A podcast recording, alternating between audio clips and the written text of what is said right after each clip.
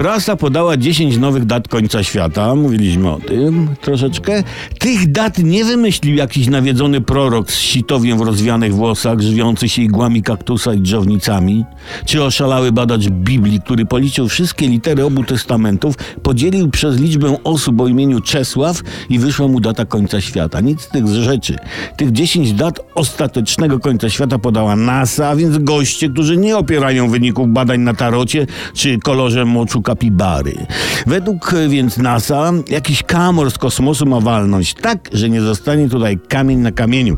Najbliższa data ostatecznego końca świata to 12 kwietnia 2060 roku.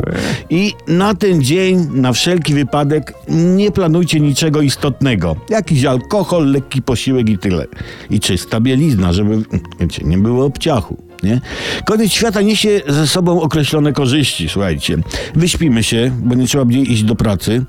Pieniądze nie będą potrzebne. Skończy się problem trzeciego świata, także drugiego i pierwszego. Koniec świata to jedyne, na co ZUS na przykład może liczyć. Inaczej ma przerąbane. Jeśli będzie koniec świata, to ZUS przetrwa. Jeśli końce, końca świata nie będzie, to nie przetrwają przyszli emeryci. Słuchajcie, ja osobiście nie wierzę w koniec świata. Ja jedynie mam tylko nadzieję, że nastąpi jak najszybciej. Bo koniec świata będzie dla nas, słuchajcie, dużym przeżyciem, które zapamiętamy do końca życia. I będziemy o tym opowiadać wnukom. Więc dawaj końcu, dawaj.